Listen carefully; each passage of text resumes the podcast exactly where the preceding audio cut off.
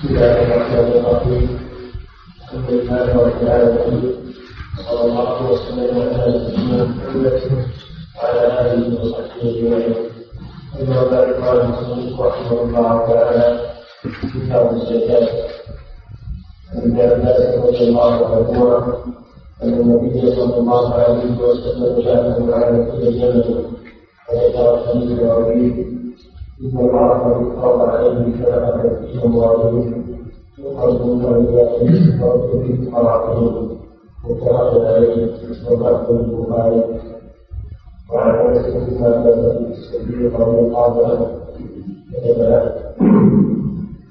هذه كلمة الصدقة التي فرضها رسول الله صلى الله عليه وسلم على المسلمين والتي أمر الله بها رسوله في كل أربع وعشرين من كل ثلاثين حرام في كل خمس كان وكان خمس وعشرين إلى خمس وثلاثين ففيها مثل مخاص ذلك فإن لم تكن مكتوب ذكر فكان ست وثلاثين إلى خمس وأربعين فيها مثل أنثى فإذا بلغت ست وأربعين إلى ستين ففيها تقع حرمة الجبل بلغت واحدة وستين إلى خمس وسبعين فيها فإذا بلغت ستة وسبعين إلى تسعين ففيها إن كان فإذا بلغت إحدى وتسعين إلى عشرين ومئة ففيها كفحتان أو في الجبل فإذا زادت إلى عشرين ومئة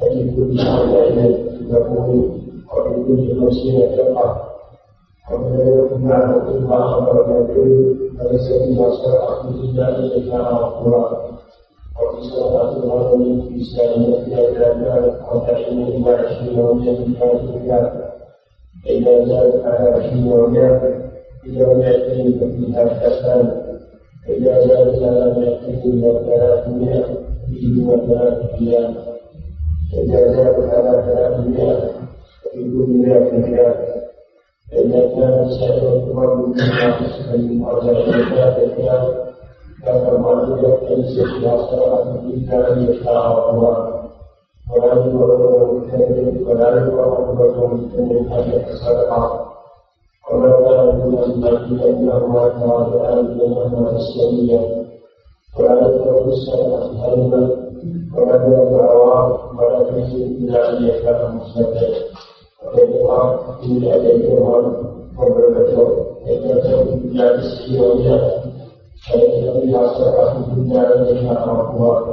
وإنما رحمة التي صدقة بها وليست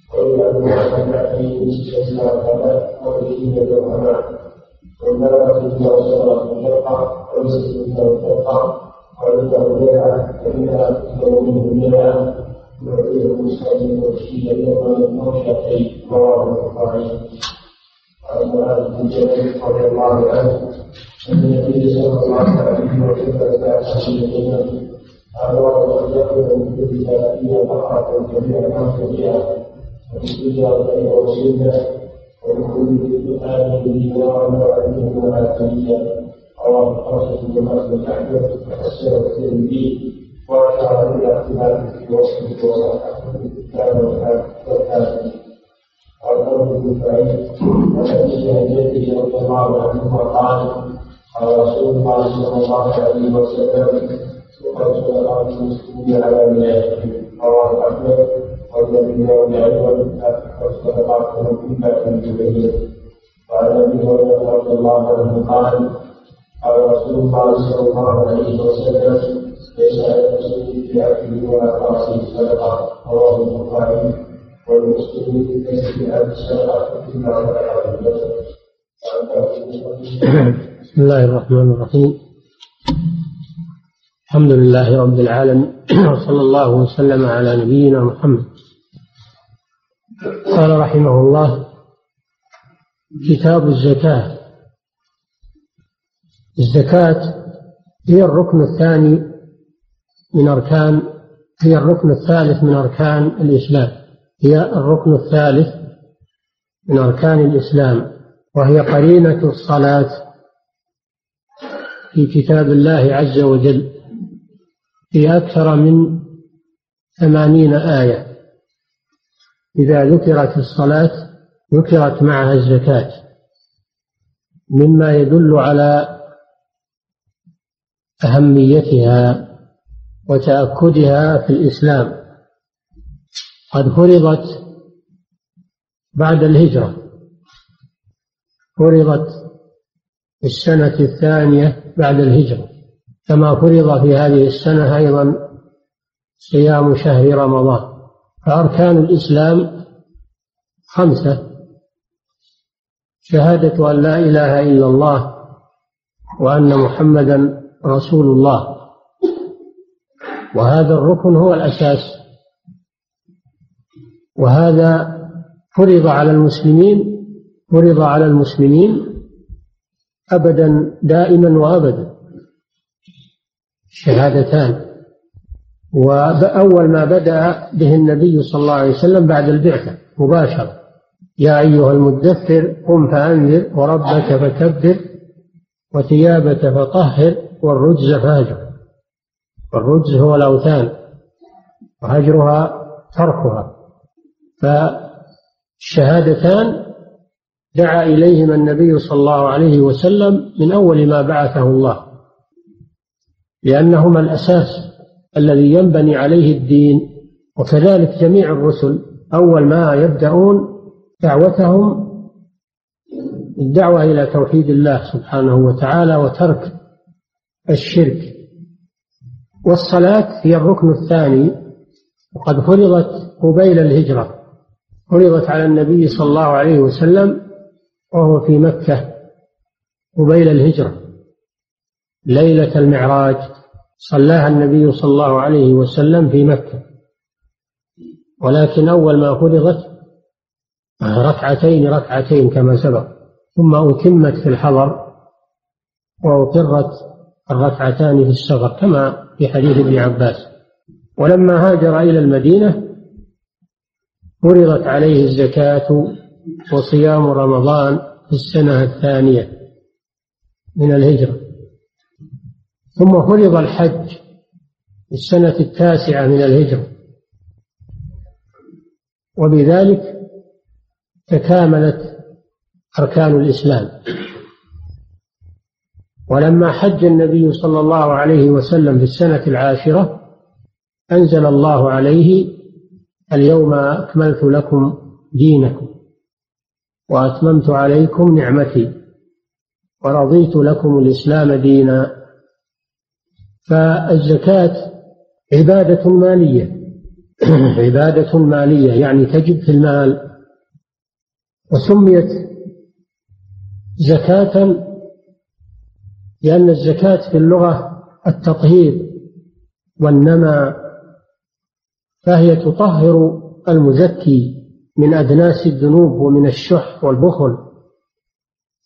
وتزكي وتطهر المال أيضا تطهر المال الذي تخرج منه. وهي نمى يقال زكى المال إذا نمى وزكى الشيء إذا نمى لأنها تنميه. الزكاة تنمي المال وتسبب البركة فيه. ولذلك سميت زكاة من الطهرة ومن النمى والزيادة. ولهذا قال صلى الله عليه وسلم ما نقص ما, ما نقصت ما نقصت صدقة ما نقص مال من صدقة. الزكاة والصدقات لا تنقص المال وإنما تزيده بركة ونماء. فهي وإن كانت تنقصه ظاهرا لكنها في الحقيقة والمعنى تزكيه وتزيده بركة ونموا. ما نقص مال من صدقة. لذلك سميت زكاة.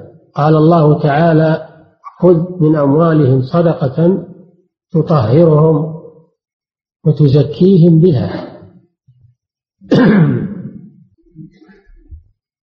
وهي مواساة للفقراء والمساكين الذين لا يجدون ما يكفيهم من النفقة فإخوانهم الأغنياء يعودون عليهم بما يكمل نفقتهم ويدفع حاجتهم. قال الله تعالى وفي أموالهم حق معلوم للسائل والمحروم. وفي أموالهم حق للسائل والمحروم. في سورة المعارج في سورة الذاريات وهذا هو الزكاة هو الحق المعلوم. وبين أنه للسائل والمحروم المحتاج. الذي حملته الحاجة على المسألة. وهي ركن من آكد أركان الإسلام بعد الشهادتين والصلاة. فمن جحد وجوبها كفر فيستتاب فإن تاب وأقر بوجوبها وإلا قتل مرتدا. لأنه مكذب لله ولرسوله ولإجماع المسلمين ولما علم من الدين بالضرورة. الذي يجحد وجوب الزكاة أو يستنكرها فإن هذا يعتبر كافرا مرتدا عن دين الإسلام. وأما إذا أقر بوجوبها ولكنه منعها بخلا وشحا فإنها تؤخذ منه قهرا. فإن ولي الأمر يأخذها منه قهرا لأنها حق واجب عليه للفقراء. فإن امتنع وصار له شوكة و وله أعوان فلا بد أن يقاتل فلا بد أن يقاتل حتى يدفع الزكاة. لأن أبا بكر الصديق رضي الله تعالى عنه قاتل الذين منعوا الزكاة بعد وفاة النبي صلى الله عليه وسلم. ولما هم بقتالهم ناقشه بعض الصحابة كعمر بن الخطاب رضي الله عنه وقال يا خليفة رسول الله كيف تقاتل من يشهدون أن لا إله إلا الله ويصلون؟ فقال أبو بكر رضي الله عنه. والله لو منعوني عقالا كانوا يؤدونه إلى رسول الله صلى الله عليه وسلم لقاتلتهم عليه. لأقاتلن من فرق بين الصلاة والزكاة. فإن رسول الله صلى الله عليه وسلم يقول أمرت أن أقاتل الناس حتى يشهدوا أن لا إله إلا الله وأن محمدا رسول الله فإذا قالوها عصموا مني دماءهم وأموالهم إلا بحقها وإن الزكاة من حقها يعني من حق شهادة لا إله إلا الله وأن محمد رسول الله إلا بحقها.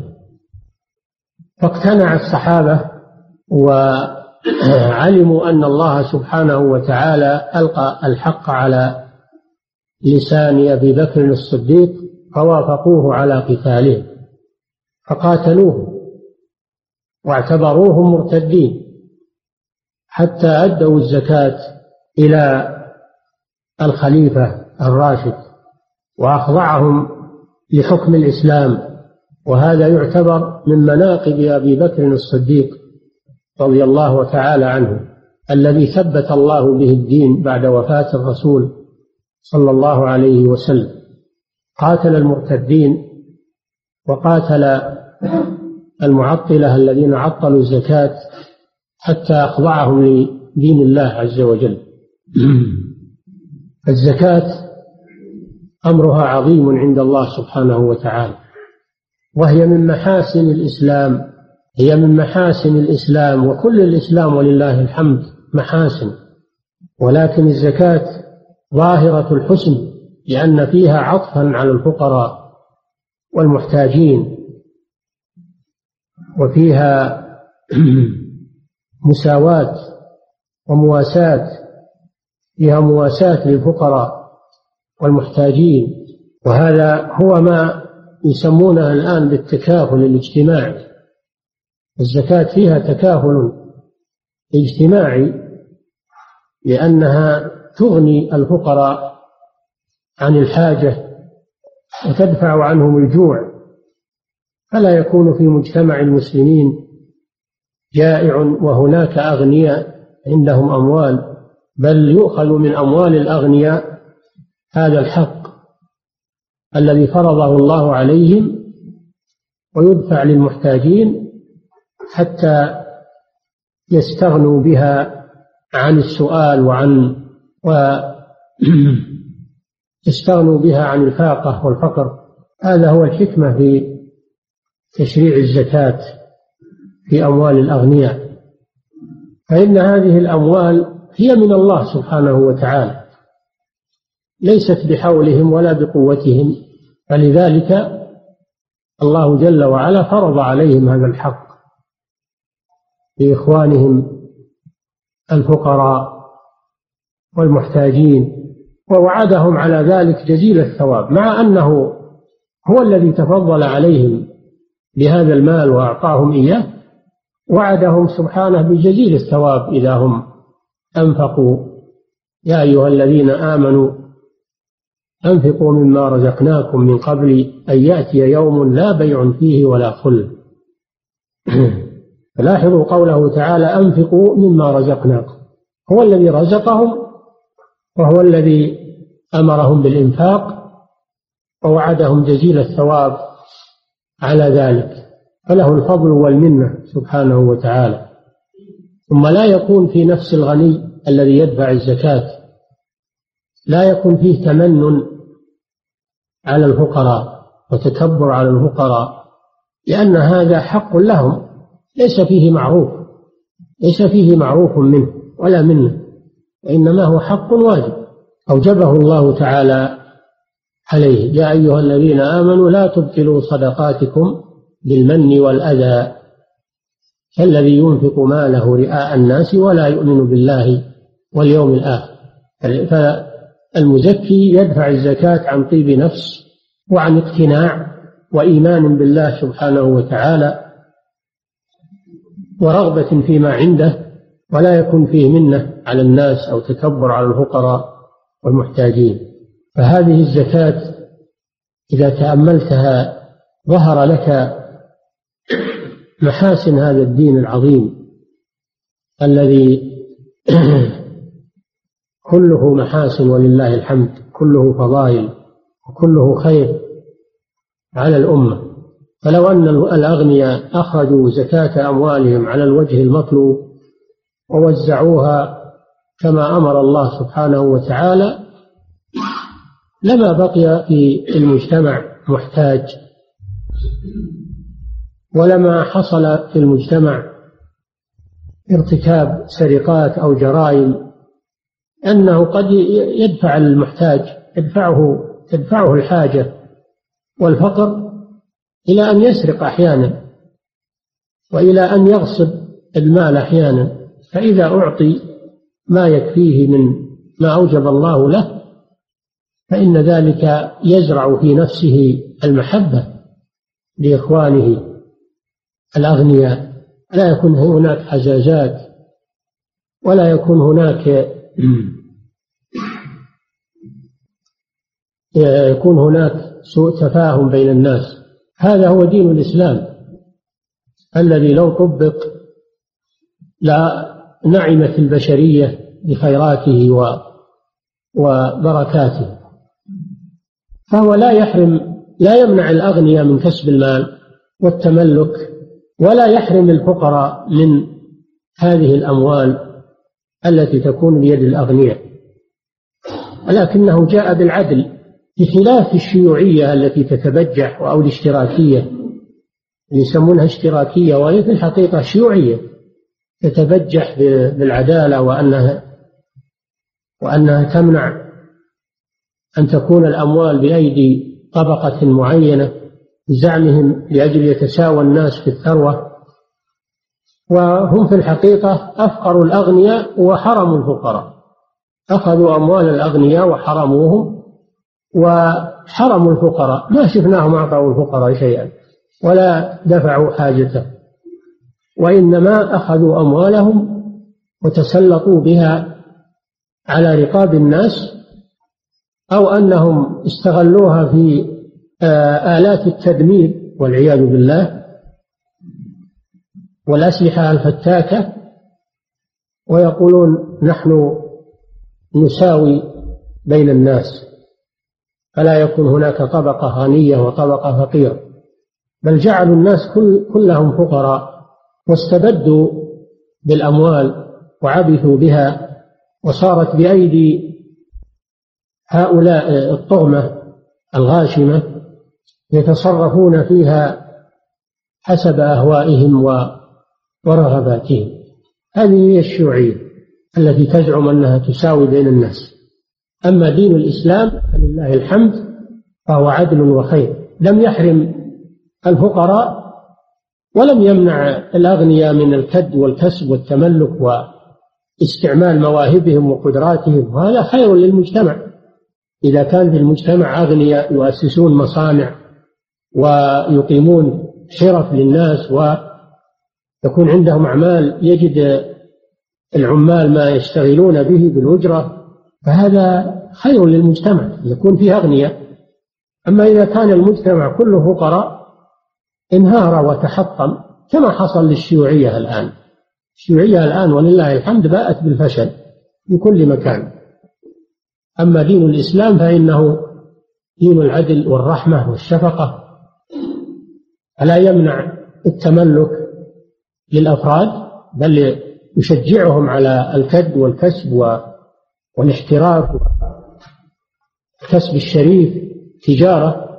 ويعطي الفقراء ما يدفع حاجتهم زيادة على أن الفقراء يجدون فرصا للعمل ومجالا للاكتساب عند الأغنياء في متاجرهم وفي مصانعهم وفي آه، أي مجال يستأجرونهم للعمل فيه.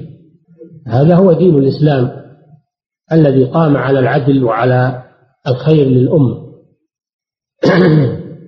ومن ذلك هذه الزكاة هذا الحق العظيم وهذا الواجب الكريم الشريف الذي لا يضر الأغنياء ولا يجحف بأموالهم وفي نفس الوقت هو يسد حاجة الفقراء والمعوزين ويدفع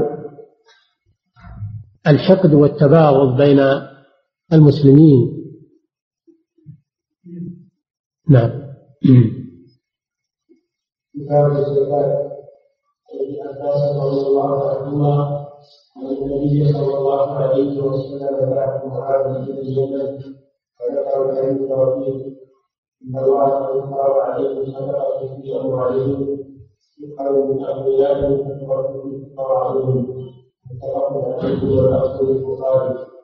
هذا حديث معاذ رضي الله تعالى عنه. حين بعثه النبي صلى الله عليه وسلم إلى اليمن. وذلك في السنة العاشرة من الهجرة. بعثه إلى اليمن معلما وقاضيا ومفتيا وبقي في اليمن إلى أن توفي رسول الله صلى الله عليه وسلم وهو في اليمن. ثم جاء من اليمن وذهب إلى الشام. جاء في خلافة أبي بكر رضي الله عنه من اليمن وذهب إلى الشام أيضا لنفس المهمة قاضيا ومعلما ومرشدا ثم توفي هناك في الشام رضي الله تعالى عنه وهو من أفاضل الصحابة وفقهائهم وعلمائهم. بعثه إلى اليمن فأوصاه صلى الله عليه وسلم حينما بعثه بهذه الوصايا العظيمة.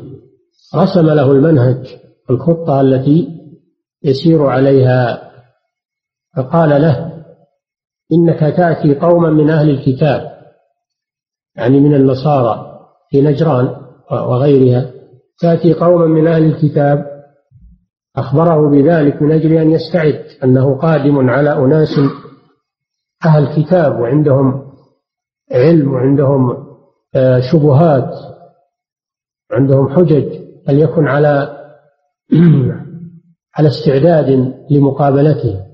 ولهذا اختاره النبي صلى الله عليه وسلم لكفاءته العلمية ومقدرته على الإقناع وعلى دفع الشبه رضي الله تعالى عنه.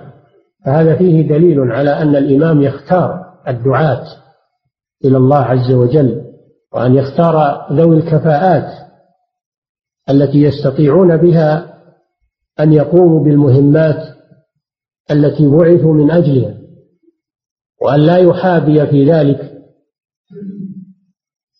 وإنما يعتمد على الكفاءات وعلى من فيه صلاحية للقيام بالمهمات التي يرسل من أجلها. فليكن أول ما تدعوهم إليه شهادة لا إله إلا الله وأن محمدا رسول الله. هذا فيه أن أول ما يبدأ الداعية أن يدعو إلى التوحيد حتى يؤسس العقيدة ليبني عليها بقية أمور الدين.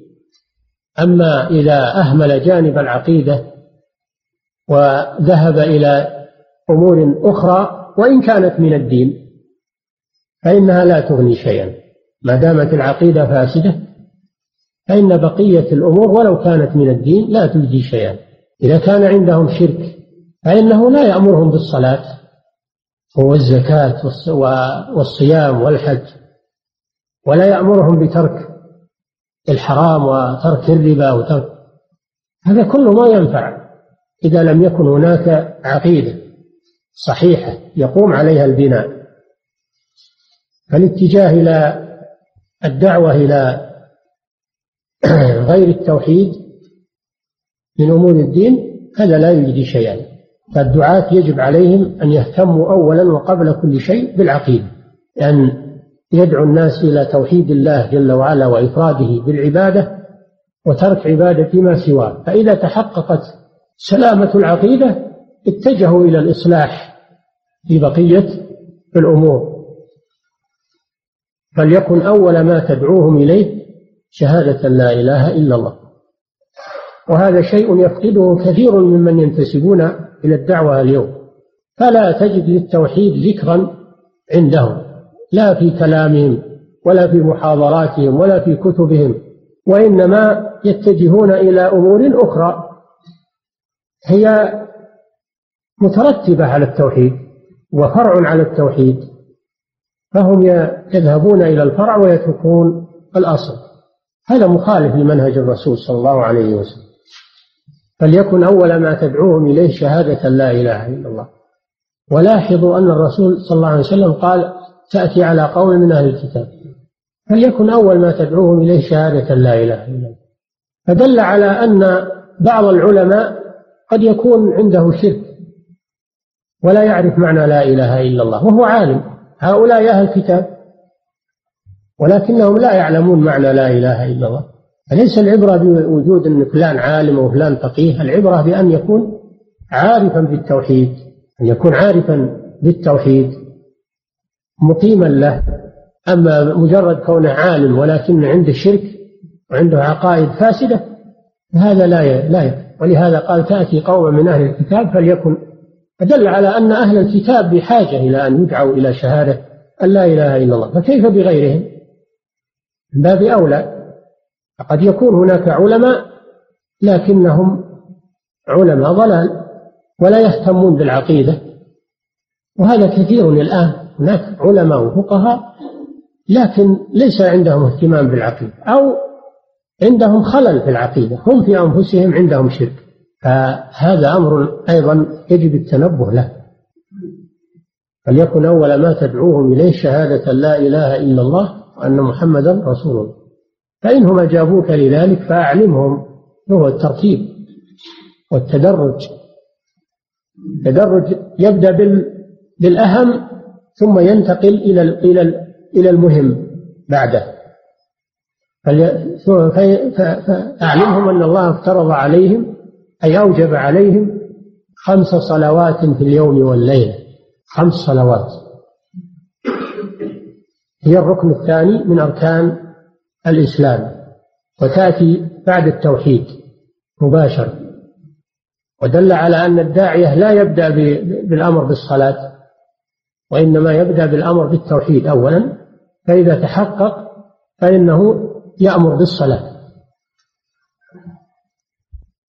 خمس صلوات في اليوم والليلة.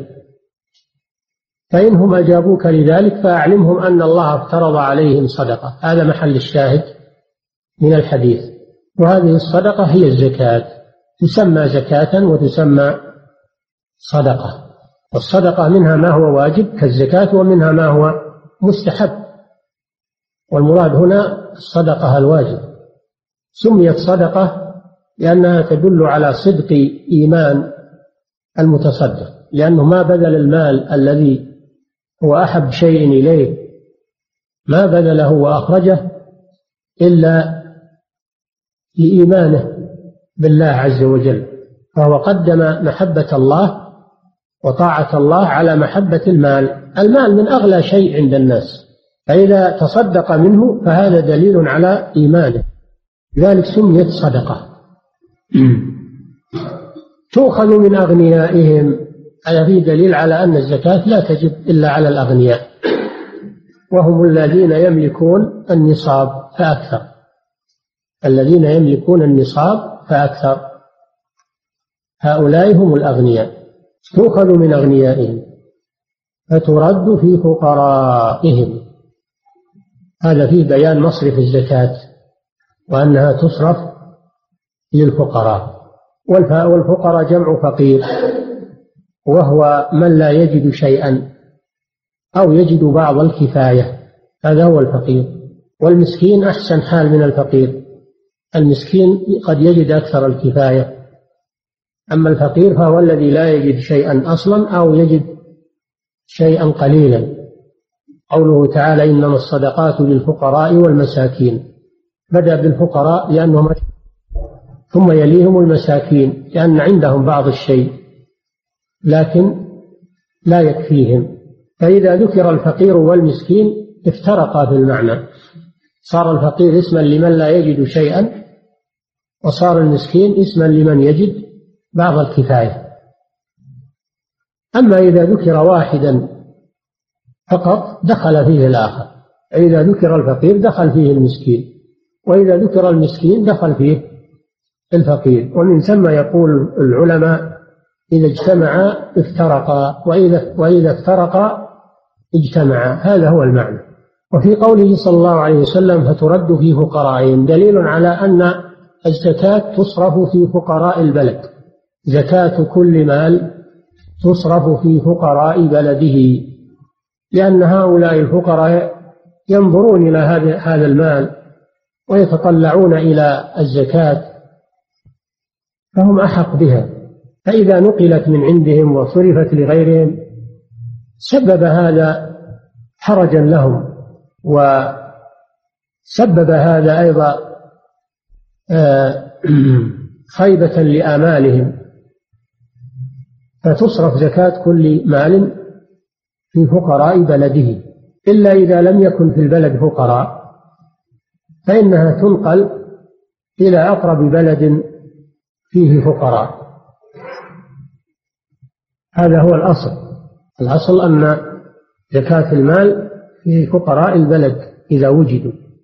فإذا لم يوجد فقراء أو صار في الزكاة فائض عن حاجة فقراء البلد فإنها تنقل إلى أقرب بلد يحتاج يحتاج إليها. وفيه دليل على إجزاء الاقتصاد صنف واحد من الأصناف الثمانية. الله جل وعلا يقول إنما الصدقات للفقراء والمساكين والعاملين عليها والمؤلفة قلوبهم وفي الرقاب والغارمين وفي سبيل الله وابن السبيل. ذكر ثمانية أصناف. وهنا النبي صلى الله عليه وسلم ذكر صنفا واحدا وهم الفقراء. فدل على أنه يجوز الاقتصار على صنف واحد من الأصناف الثمانية. ثم قال صلى الله عليه وسلم فإنهم أجابوك لذلك فإياك وكرائم أموال. فلا يجوز للعامل أن يأخذ أكثر من من الحق الواجب على صاحب المال. وأن يأخذ الكرائم وهي النفائس من المال. وإنما يأخذ المتوسط. يأخذ المتوسط. لأنه إذا أخذ الأنفس ضر بصاحب المال. وإذا أخذ الرديء ضر بأصحاب الزكاة الفقراء فيتوسط يأخذ من الوسط وهذا هو العدل. فإن أخذ من النفائس فإن كان هذا بطيب نفس من صاحب المال فلا بأس. وإن كان بدون طيب نفس فهو ظلم. فهذا ظلم إياك هذا تحذير. إياك وكرائم أموالهم. ثم قال صلى الله عليه وسلم واتق دعوة المظلوم فإنه ليس بينها وبين الله حجاب. المظلوم. إذا دعا على الظالم فإن دعوته مستجاب. ولو كان المظلوم كافرا. تقبل دعوته لأنه مظلوم. فلا يجوز الظلم. لا مع الكفار ولا مع المسلمين. ومع المسلمين من باب أولى. ولا مع أهل الكتاب وهم اليهود والنصارى ولا مع غيرهم. الظلم ممنوع. يقول الله جل وعلا يا عبادي إني حرمت الظلم على نفسي وجعلته بينكم محرما فلا تظالموا. وأخبر في هذا الحديث أنه ليس بين الله جل وعلا وبين دعوة المظلوم حجاب وأنها ترفع إلى الله جل وعلا وأنه يستجيب للمظلوم. فهذا فيه التحذير من الظلم وفيه التحذير من دعاء المظلومين. على الظلم. فهذا في الحقيقة حديث عظيم يرسم المنهج للدعاة إلى الله عز وجل والولاة ويبين لهم كيف يتعاملون مع الناس الذين يدعونهم إلى الله سبحانه وتعالى. نعم. وعن مسجد بن رضي الله عنه له سنة الصدقة التي فرضها رسول الله صلى الله عليه وسلم على المسلمين والتي أمر الله بها رسوله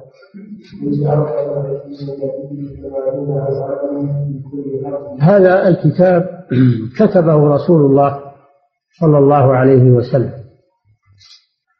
ولما توفي صلى الله عليه وسلم واستخلف أبو بكر الصديق رضي الله عنه أخذ هذا الكتاب وعليه ختم الرسول صلى الله عليه وسلم فدفعه إلى أنس بن مالك لما بعثه إلى البحرين.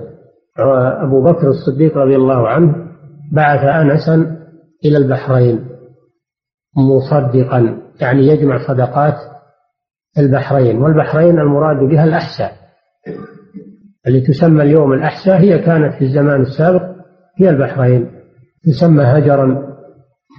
فأبو بكر الصديق دفع كتاب رسول الله صلى الله عليه وسلم إلى أنس لأن أهل البحرين أهل مواشي أهل مواشي. وهذا الكتاب فيه بيان صدقة الإبل والغنم وبيان مقاديرها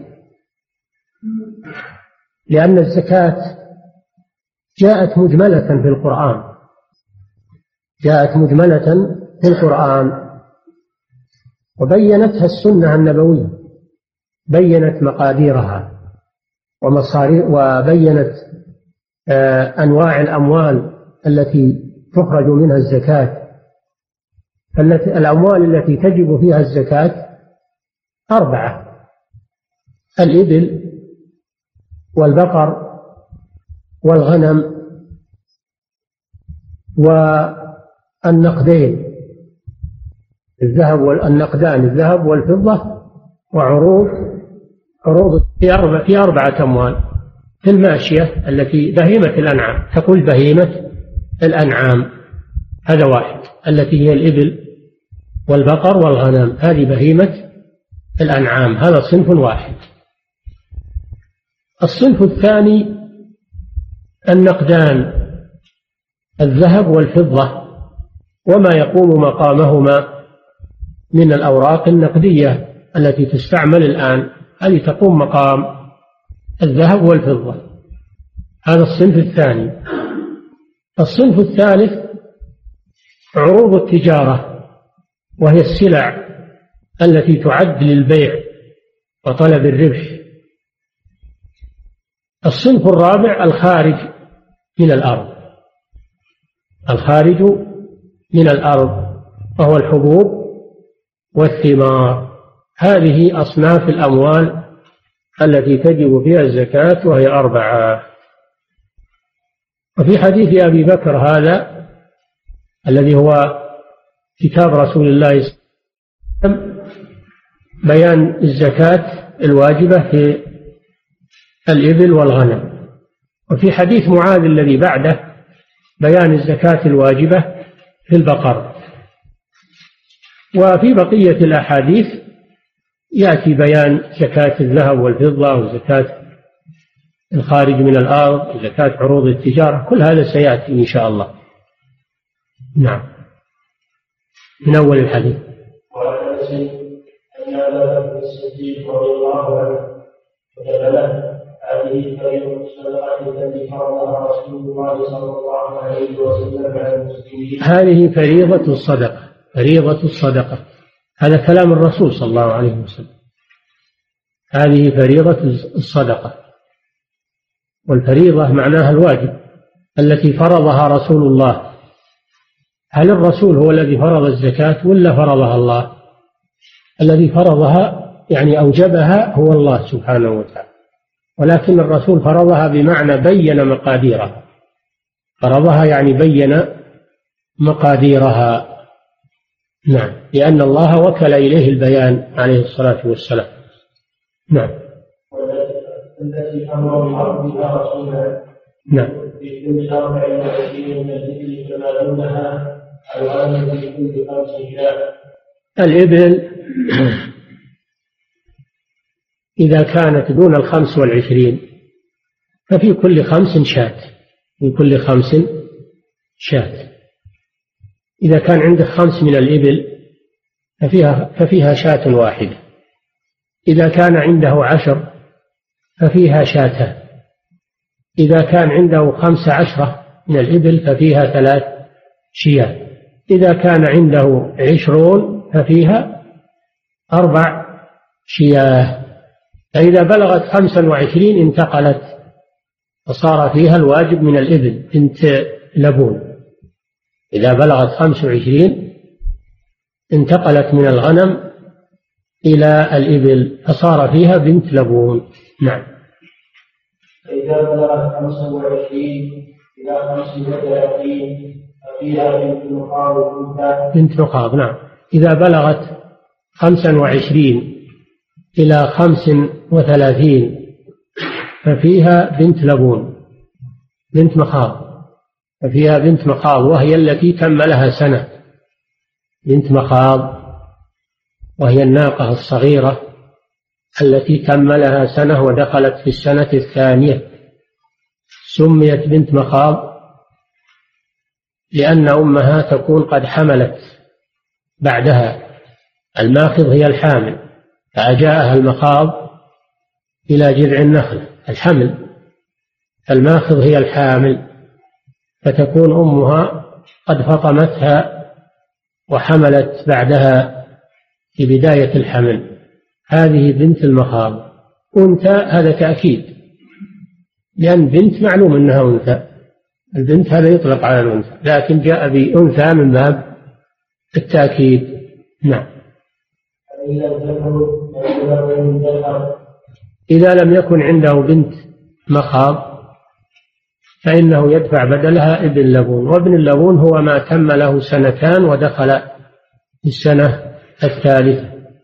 سمي بذلك لأن أمه تكون قد ولدت وصارت ذات لبن. ولدت بعده ولدا آخر وصارت ذات لبن. هذه اللبون التي فيها لبن.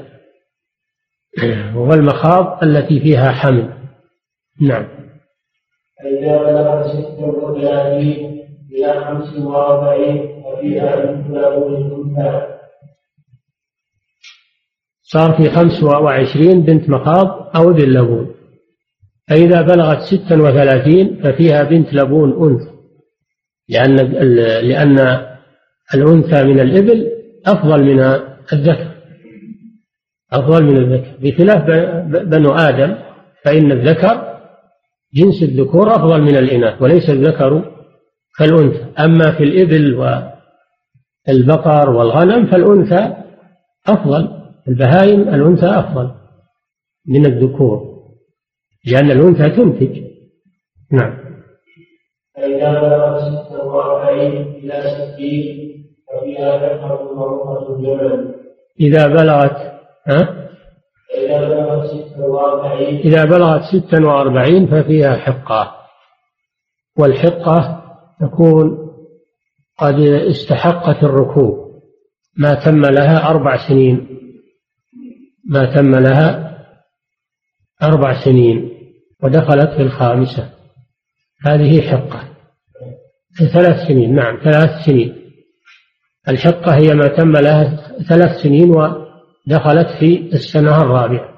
سميت حقة لأنها استحقت أن يحمل عليها وأن تركب وأن يطرقها الفحل. استحقت هذه الأمور فلذلك سميت حقة. نعم.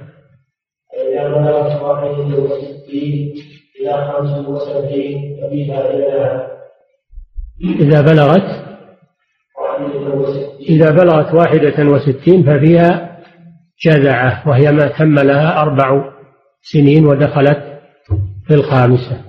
سميت جذعة لأنها تكون قد أسقطت سنها وأجزعت أجزعت يعني أسقطت سنها. نعم. فإذا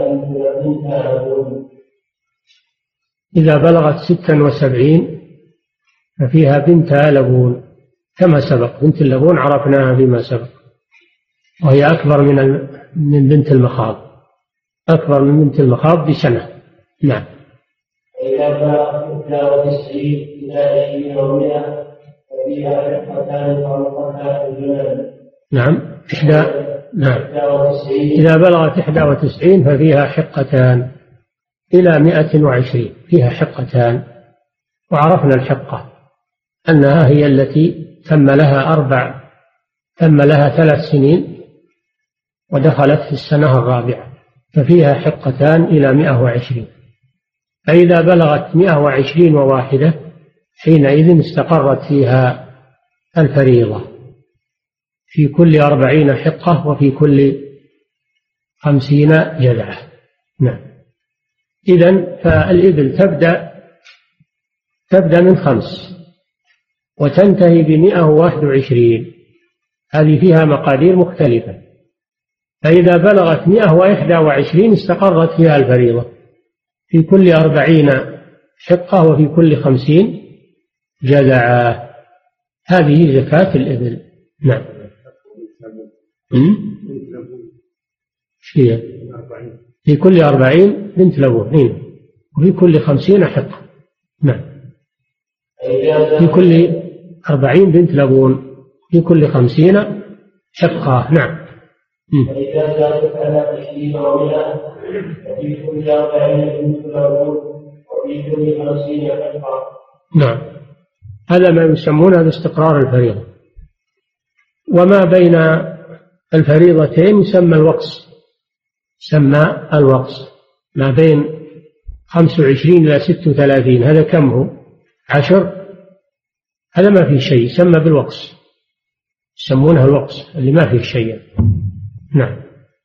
ومن لم يكن معه إلا أربع من الإبل فليس فيها صدقة إلا أن يشاء ربها. إذا نزلت الإبل عن خمس فليس فيها شيء. عنده أربع أو ثلاث أو ثنتين أو واحدة ما فيها شيء هذا. ما فيها شيء واجب. لكن إن أراد أن يتصدق من باب تبرع فهذا شيء طيب. نعم. وفي صدقة الغنم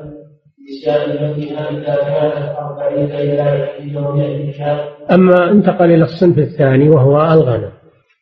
الغنم لا يجب فيها شيء حتى تبلغ أربعين.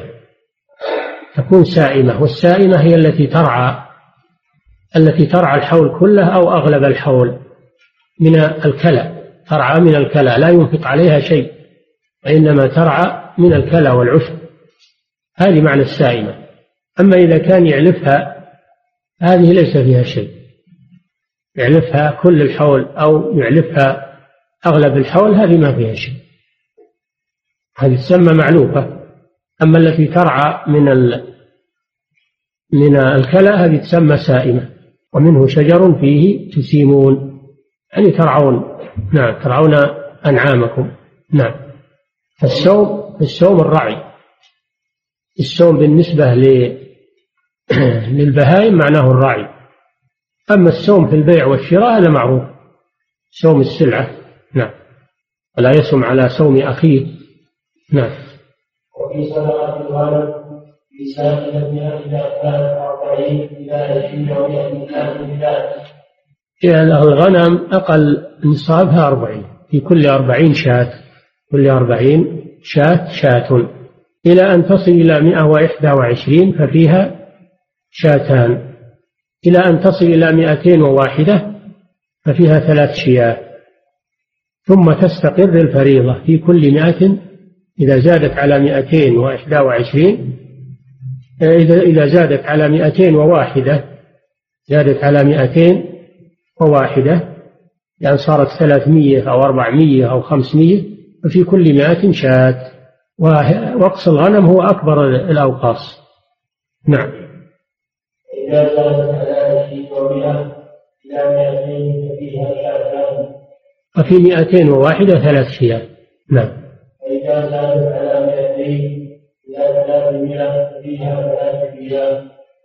اي نعم من 201 إلى 300 هذا أكبر وقص يعني 99 هذا ما في شيء.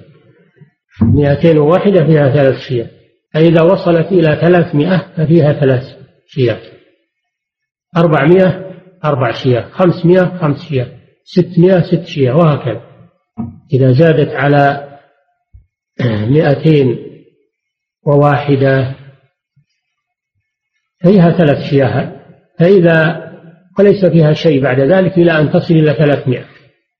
فيكون فيها ثلاث شياه إلى أربعمائة ففيها أربع شياه إلى خمسمائة فيها خمس شياه إلى آخر.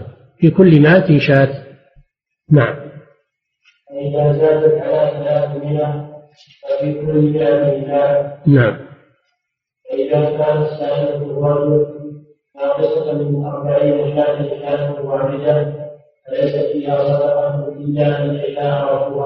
مثل ما قال صلى الله عليه وسلم في الإبل إذا نقصت عن خمس فليس فيها شيء. كذلك الغنم إذا نقصت عن أربعين فليس فيها شيء. لو كانت تسع وثلاثين شاة ما فيها شيء. إلا أن يشاء ربها يعني يتبرع من عنده فلا بأس. نعم. ولا يجمع بين مختلف ولا يفرق بين مجتمع نعم. وما كان خليقين فانهما يتراجعان والسويه هذه تسمى بالخلطة يكون الغنم ما هي بالواحد. يكون الغنم لشخصين فأكثر هذه تسمى الخلطة مختلطة. فهذه يكون حكمها حكم المال الواحد بشروط. يكون حكمها حكم المال الواحد لكن بشروط. يأتي بيانها إن شاء الله الدرس القادم. نعم. يكفي.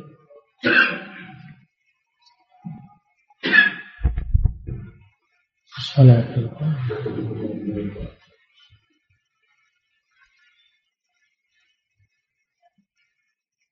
نعم. قضية الشيخ الصحابة رضي الله عنهم اعتبروا هذه الزكاة والتسديد تبارك ابتداء الدين أنهم جحدوا وجوب الزكاة. من جحد وجوب الزكاة فإنه يكون مرتدا. هذا مجمع عليه. قالوا ما ندفعها إلا للرسول. والرسول توفي. فلا ندفعها إلى غيره. معناه أنهم جحدوا وجوب الزكاة. لذلك صاروا مرتدين. نعم.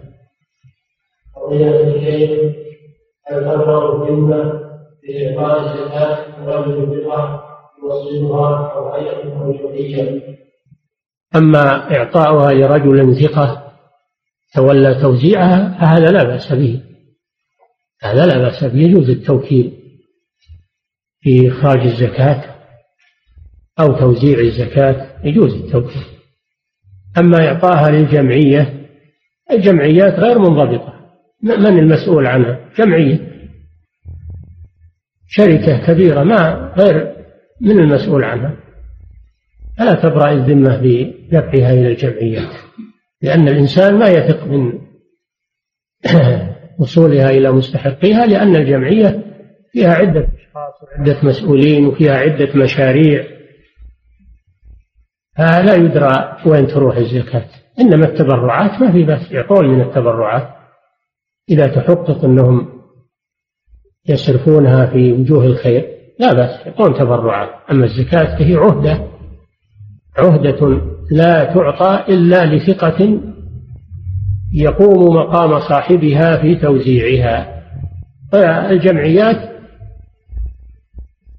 ليس فيها واحد يبي يتعهد بزكوات الناس كلها اللي تجتمع عنده. هذا صعب.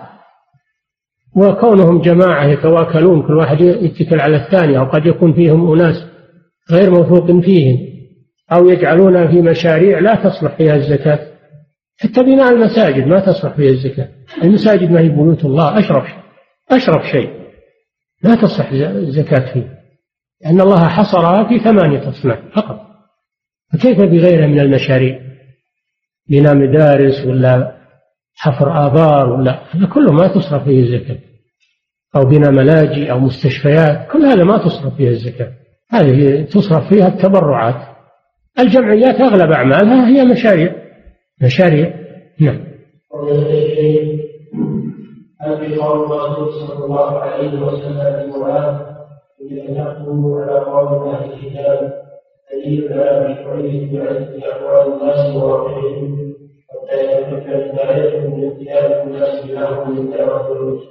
ما في شك.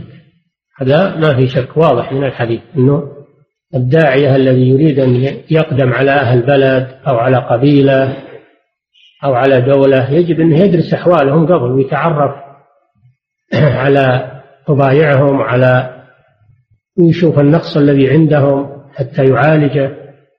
ما أنه يجيهم وهو ما يدري عن أحوالهم فهذا قد يغلط أو يخطئ.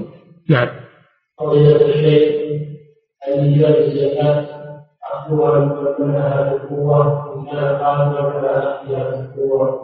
هذا من حق ولي الأمر يأخذها ولي الأمر بالقوة أما غيره لا لأن هذا يحصل بسبب فوضى وفتنة. فهذا من صلاحيات ولي الأمر ولهذا يقول صلى الله عليه وسلم ومن منعها فإن آخذوها وشطر ماله. حزمة من عزائم ربنا. فهذا من صلاحيات ولي الأمر. وأبو بكر الصديق رضي الله عنه ولي أمر. نعم.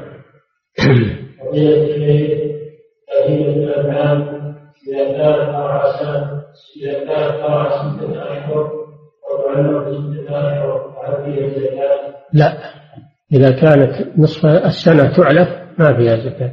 أما إذا كانت تعلف أقل من نصف السنة وأكثر السنة ترعى منها. فهذه فيها زكاة نعم. إذا على السن شرعا ثلاثة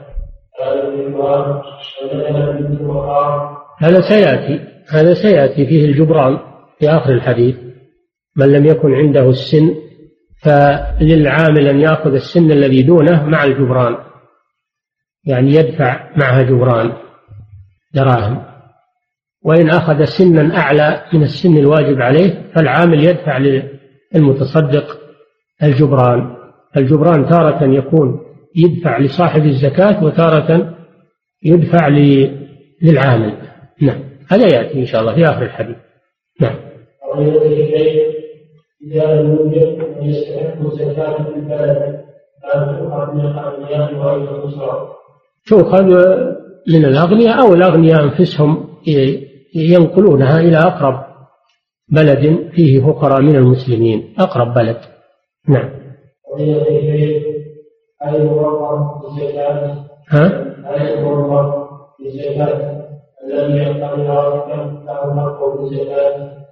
لا الموظف الذي يدفع له راتب من بيت المال ويروح عامل في الزكاة هذا لا يأخذ من الزكاة شيء إنما العامل الذي ليس له راتب هذا يأخذ دين عليها. أما الموظفين عند الدولة اللي تروحهم وهم موظفين وتعطيهم انتداب حتى أنها تعطيهم انتداب راحتهم هؤلاء لا يجوز لهم أن يأخذوا من الزكاة لأنهم أعطوا مقابل عملهم من ال... من ولي الأمر. نعم. إيش فيهم؟ ما هم من صلاحياتهم جمع الزكاة. هذه ظاهرة سيئة. أن أئمة المساجد يجمعون الزكاة بدون تفويض من ولي الأمر. هذا ما هم من صلاحياتهم. نعم. ها؟ إيش فيه؟ وكيل؟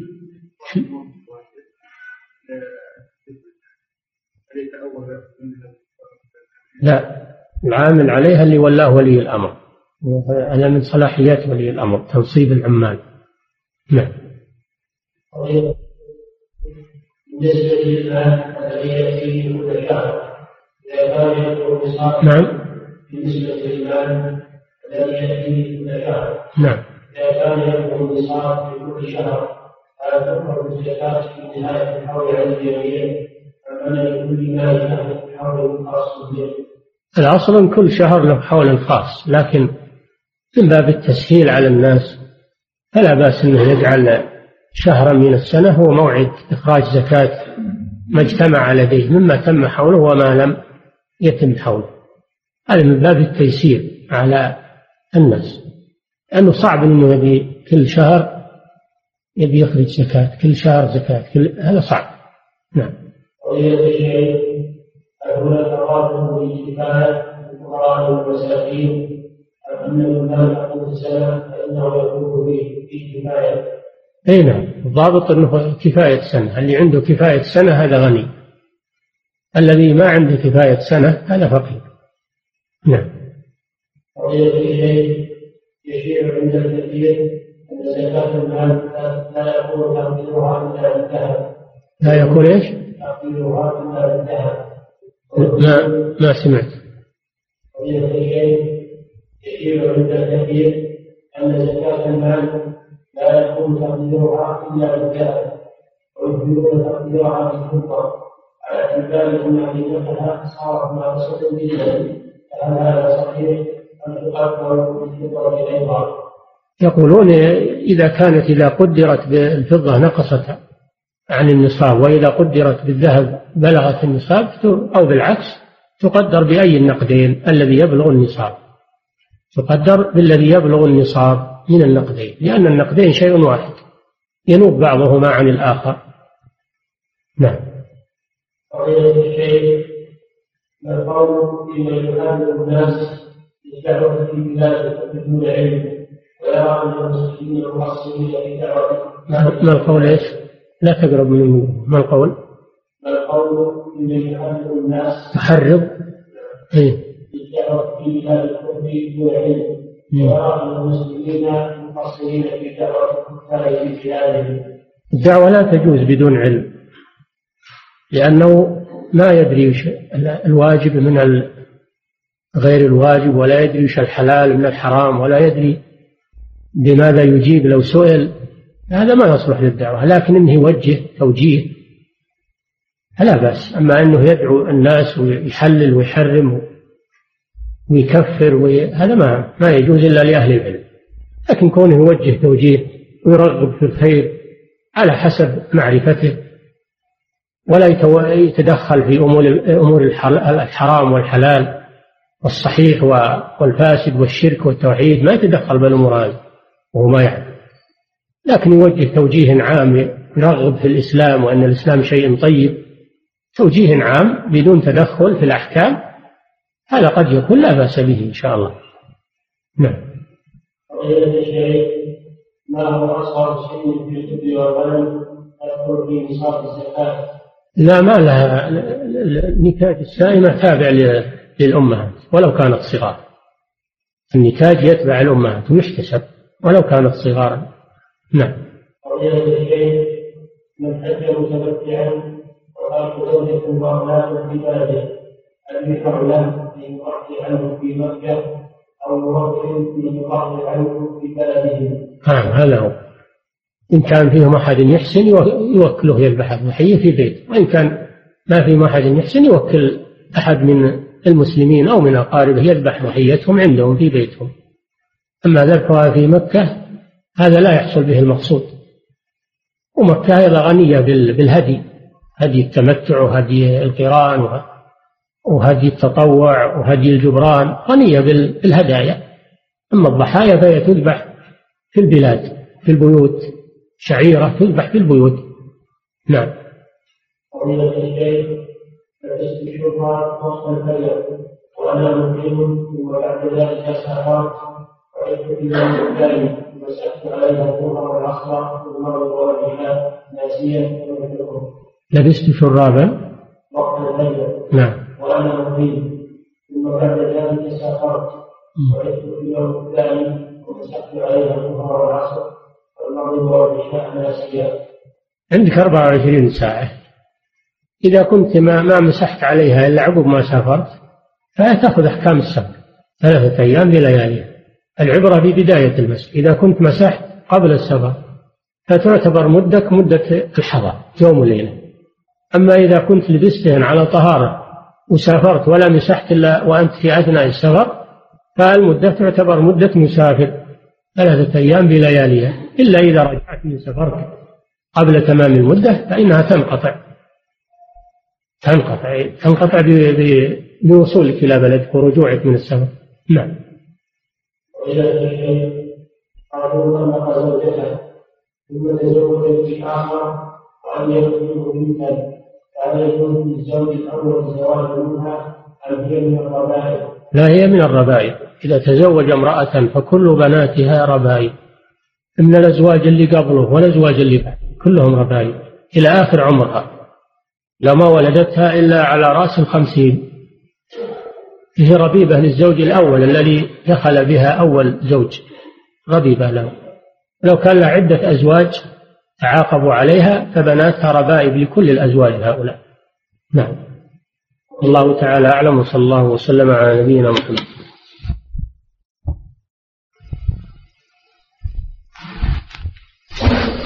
بسم الله الرحمن الرحيم. الحمد لله رب العالمين صلى الله وسلم على نبينا محمد وعلى آله وصحبه أجمعين. أما بعد فيقول رحمه الله تعالى الله عنه شوف وقفنا على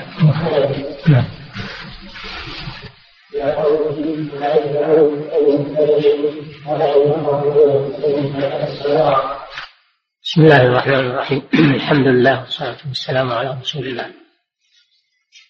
بعدما بين النبي صلى الله عليه وسلم فرائض الصدقة في الإبل والغنم. قال صلى الله عليه وسلم ولا يجمع بين مفترق ولا يفرق بين مجتمع خشية الصدقة. معناه أنه إذا كان إذا كان المال مشتركا بين اثنين فأكثر. إذا كان المال من الإبل أو البقر أو الغنم مشتركا بين اثنين فأكثر فإنه يبقى على خلطته كأنه مال لشخص واحد وتخرج منه الصدقة. فلا يفرق كل واحد يعزل نصيبه. إذا جاء وقت الصدقة كل واحد يعزل نصيبه فرارا من الصدقة. بل يبقى المال كما هو كأنه لواحد. فلو فرضنا مثلا أن الاثنين أن الاثنين أربعين من الغنم. واحد له خمس وواحد له خمس وثلاثين. المجموع أربعون. فلما أحسوا أن العامل سيأتي فرقوها. صاحب الخمس خلاها لحالها وصاحب الخمس والثلاثين خلاها لحالها علشان لا العامل ما يأخذ منها شيء لأنه لا يجب فيها شيء. خمس وثلاثين لا يجب فيها شيء. خمس ما يجب فيها شيء. ففرقاها من أجل ذلك من أجل الفرار من الصدقة. بينما لو بقيت مجتمعة أربعين وجبت فيها شاة كما سبق. فلا يفرق بين مجتمع خشية الصدقة لأن هذا احتيال والحيل لا تجوز لإسقاط الواجب. فتبقى على ما هي ويؤخذ منها شاة على أنها نصاب أربعون شاة وتكون هذه الشاة على الاثنين كل على قدر ماله كل يتحمل منها على قدر ماله.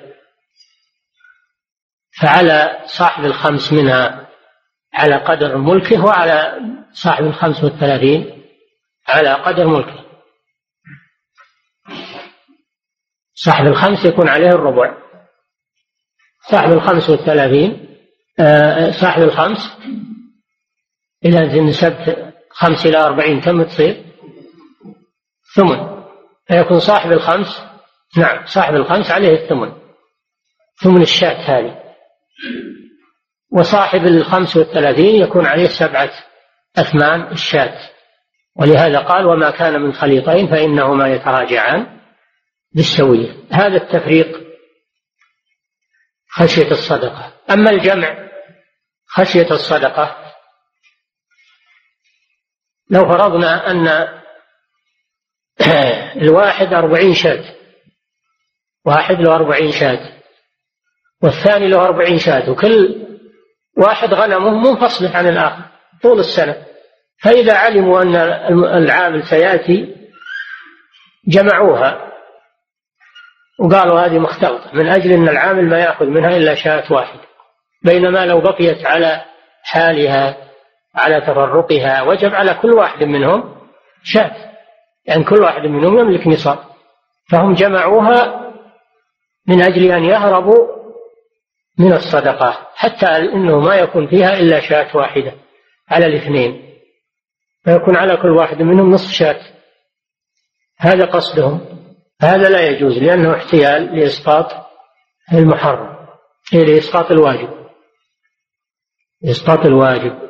فيبقى المتفرق على حاله لا يجمع. والمجتمع يبقى على حاله لا يفرق. حتى تؤخذ منه الصدقة.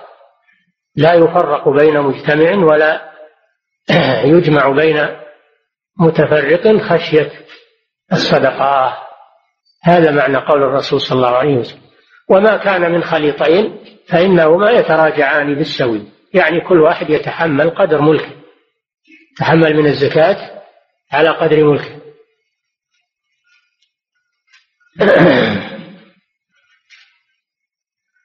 لكن الخلطة لا لا تؤثر إلا بشروط. خلطة لا تؤثر إلا بشروط. الشرط الأول أن تكون مجتمعة كل الحول أو أكثر الحول. الشرط الثاني أن تجتمع في المبيت. تبيت جميعا. ما هو كل واحد يعزل غنمه بالليل في بيته عنده. بل يكون مبيتها واحد طول السنة أو أكثر السنة. الشرط الثالث أن تشترك في المحلب. تحلب جميع في مكان واحد.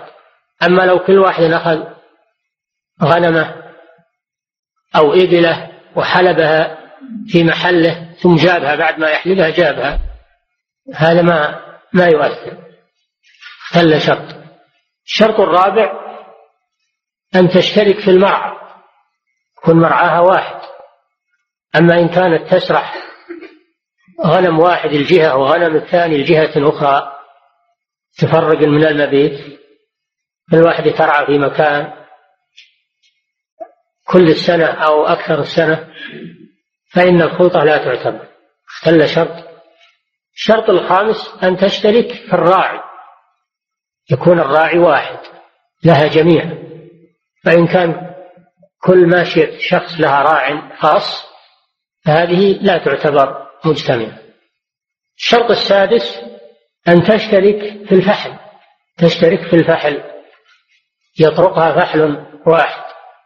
فإن كان لكل واحد فحل يطرق ماشيته فقد اختل شرط من شروط الخلق.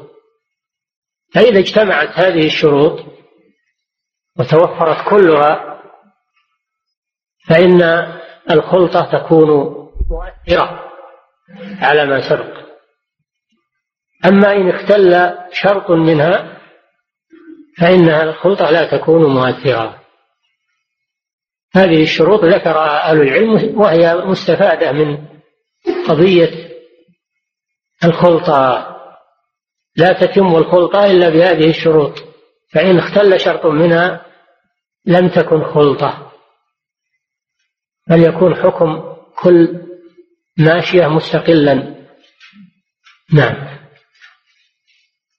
فلا يقرب الصلاة فهما ولا ذات ولا تيس إلا أن يشاء المصدق ثم بين صلى الله عليه وسلم ما يجب دفعه في الزكاة وما لا يجوز دفعه في الزكاة. الذي يجب دفعه في الزكاة أن تؤخذ من جنس الماشي. تؤخذ زكاة الماشية منها من جنسها ولا يجوز إخراج الهرمة وهي الكبيرة الكبيرة التي بلغت الهرم لأن هذه معيبة. فلا تخرج الهرمة عن الشابات من من الإبل أو الغنم. لأن هذا عيب. ولا رغبة في الهرمة. ولا تؤخذ في الزكاة ذات العوار وهو المرض. عوار بالفتح أو عوار بالضم ذات المرض. ومنه عوراء العين. أيضا فإن هذا نوع عيب لأن ذلك ينقصها ينقص قيمتها.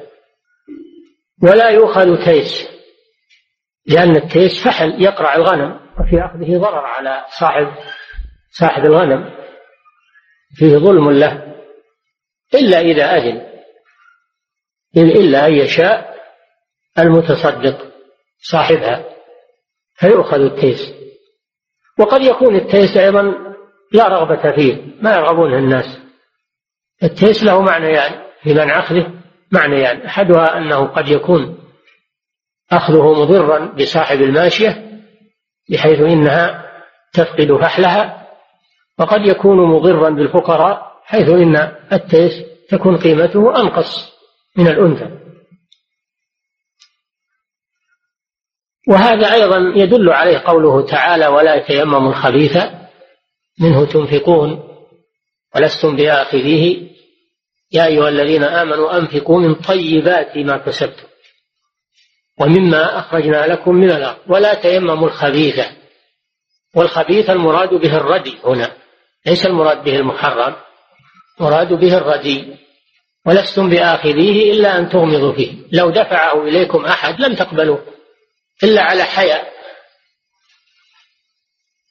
ومجاملة. لأنكم تكرهونه. فكيف تدفعونه إلى غيركم؟ إذا كنتم أنتم لا ترغبونه وتكرهونه فكيف تدفعونه إلى غيركم؟ فالواجب في الصدقة المتوسط من المال. فلا يكلف صاحب المال بدفع الجيد لأن هذا إجحاف به. ولا يجوز له دفع الردي لأن هذا فيه إجحاف بالفقراء بل المتوسط من المال الذي هو بين الجيد والردي. وإذا شاء أن يدفع من الجيد بطيب نفس فهو أحسن. نعم.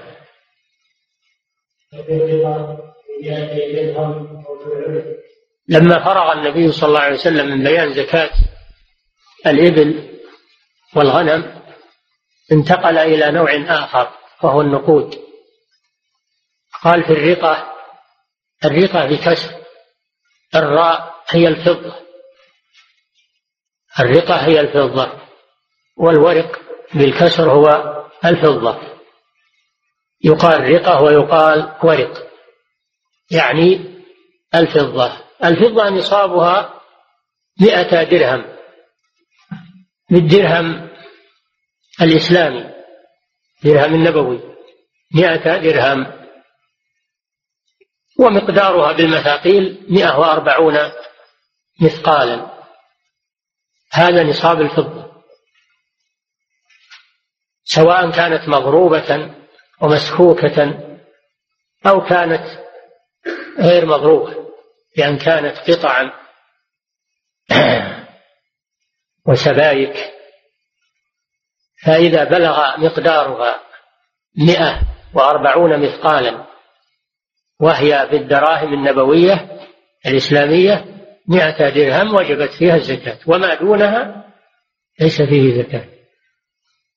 والمئة الدرهم الإسلامي بالريال الفضي السعودي ست وخمسون ريال ست وخمسون ريال عربي سعودي بالفضة.